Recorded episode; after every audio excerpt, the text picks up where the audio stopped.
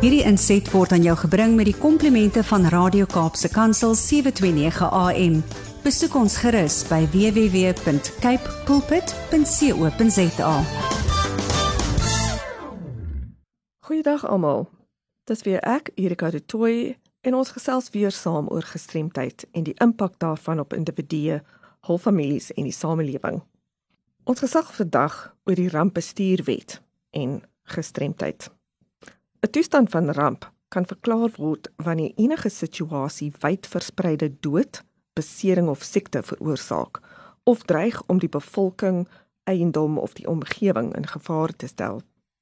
Ons het almal die verklaring van 'n ramptoestand ervaar wat hierdie COVID-19 pandemie veroorsaak is. Maar net maande nadat dit opgehef is, staan ons nou voor nog twee nasionale ramptoestande.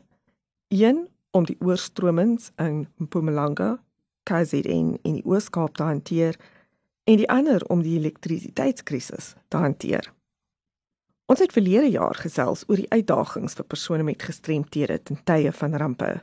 En nou dat ons weer 'n nasionale ramp in die gesig staar, het ek gedink ons kan die ramp bestuurwet 57 van 2002 kyk om te sien watter bepalinge gemaak is vir persone met gestremthede. Nie verbasend nie, is daar geen Die gewysigde wet 16 van 2015 maak egter 8 keer melding van persone met gestremthede. Wat almal spreek van en ek haal aan spesifieke maatreëls wat geneem is om die behoeftes van vroue, kinders, bejaardes en persone met gestremthede tydens die rampbestuurproses aan te spreek. Maar daar is geensins enige spesifieke besonderhede. Maar wat sê die wetskrif oor die regte van persone met gestremthede oor oorwegings tydens tye van ramp? Kortliks luister die volgende akkommodasie vir meestal akkommodasie. Doewe persone wat Suid-Afrikaanse gebaretaal as hul eerste taal gebruik, vereis dat hulle toegang het tot Suid-Afrikaanse gebaretaaltolke, sowel as aantekeninge, onderskrifte en byskrifte om toegang tot inligting en kommunikasie te vermaklik.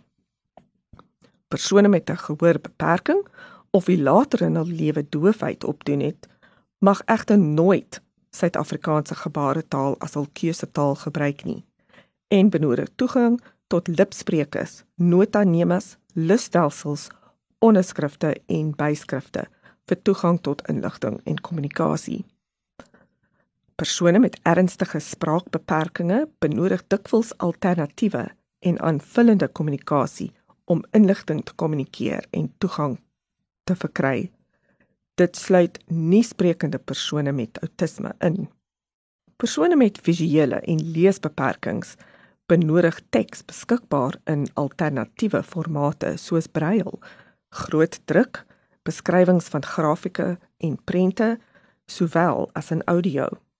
Dit moet verder in ag geneem word dat geletterdheidsvlakke onder persone met gestremthede dikwels laag is as gevolg van uitsluiting van onderwys in die verlede en dat inligting in toeganklike amptelike tale beskikbaar gestel moet word.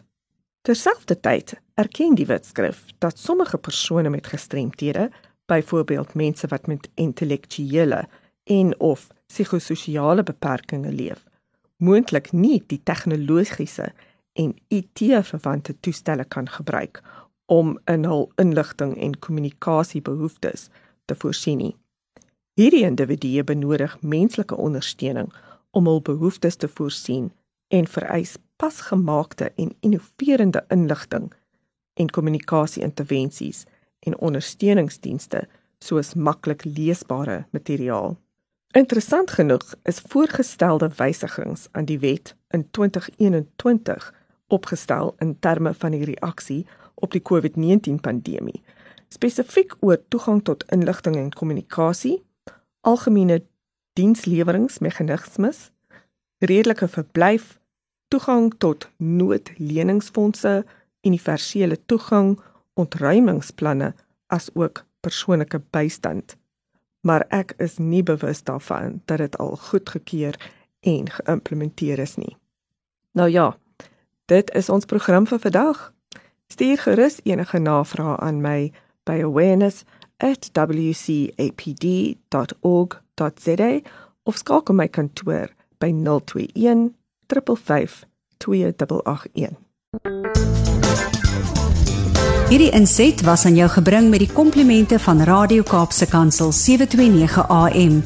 Besoek ons gerus by www.cape pulpit.co.za.